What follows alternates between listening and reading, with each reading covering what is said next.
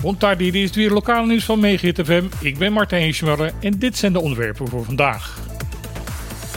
Over 27 jaar, in 2050, zal een derde van de bevolking van Bonaire 65 jaar zijn of ouder.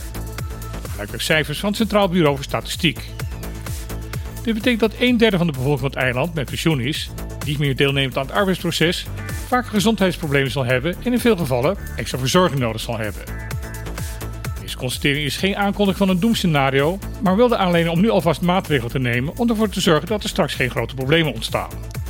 Daarom is de afgelopen week een mini-conferentie gehouden over toekomstbestendige ouderenzorg. De nadruk lag erbij op kwaliteit van de zorg, preventie en een goede samenwerking tussen de betrokken partijen. Om deze samenwerking verder uit te bouwen zal er binnenkort een programmamanager worden aangesteld die er moet voor zorgen dat de actiepunten die in de conferentie naar voren kwamen ook echt uitgevoerd gaan worden.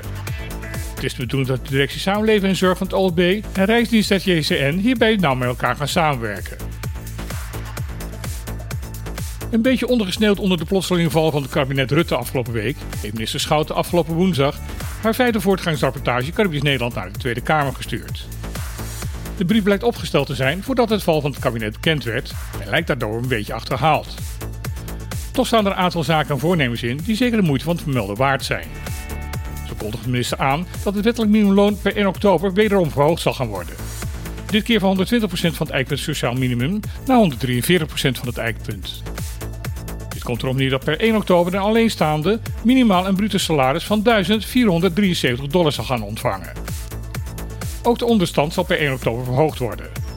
Dit keer naar 1030 dollar per maand. In haar brief zegt Schouten dat ook de subsidie van 25 dollar per maand op internet structureel zal gaan worden en ook dat de subsidies voor water en elektriciteit voorlopig worden voortgezet. Verder zegt de minister dat ze per 1 oktober de resultaten verwacht van de commissie Todé over de invoering van het sociaal minimum op de BES. Ze zegt dat ze zich wil inzetten dat deze zo snel mogelijk in 2024 ingevoerd gaat worden. Het is echter de vraag of deze wens gaat lukken, nu het huidige kabinet demissionair is geworden. Het is ook bekend geworden wanneer we weer kunnen gaan kiezen voor een nieuwe regering in Den Haag. De Nederlandse Centrale Kiesraad heeft vandaag bekendgemaakt dat er op woensdag 22 november vervroegde Tweede Kamerverkiezingen zullen gaan plaatsvinden. Eerder is niet mogelijk omdat de huidige Tweede Kamer pas na het zomerreces in september officieel ontbonden kan worden. Daarna pas kunnen de voorbereidingen voor de nieuwe verkiezingen worden opgestart. De nieuwe Tweede Kamer moet uiterlijk drie maanden na de ontbinding van de huidige Kamer voor het eerst weer bij elkaar komen. Totdat er een nieuwe regering is samengesteld is het huidige kabinet demissionair.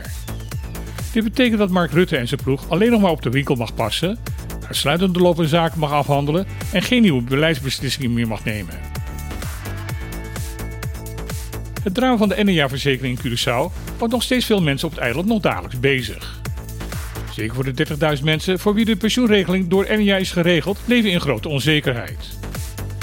Het pensioensgedeelte van het bedrijf balanceert al geruime tijd op het randje van een bankroet. Dit komt omdat de voormalige eigenaar van NEA, Ansari, de verzekeringsmaatschappij zo goed als leeg heeft geroofd. Ansari is intussen daarvoor door de rechter veroordeeld en moet bijna een miljard gulden gaan terugbetalen.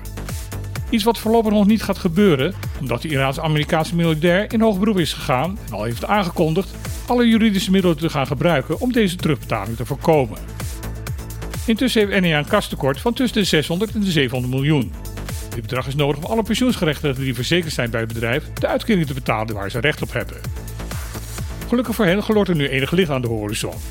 Staatssecretaris van Koninkrijksrelaties van Huffelen heeft gisteren gezegd dat er een regeling gaat komen, zodat de pensioenen van al deze mensen gegarandeerd kunnen worden.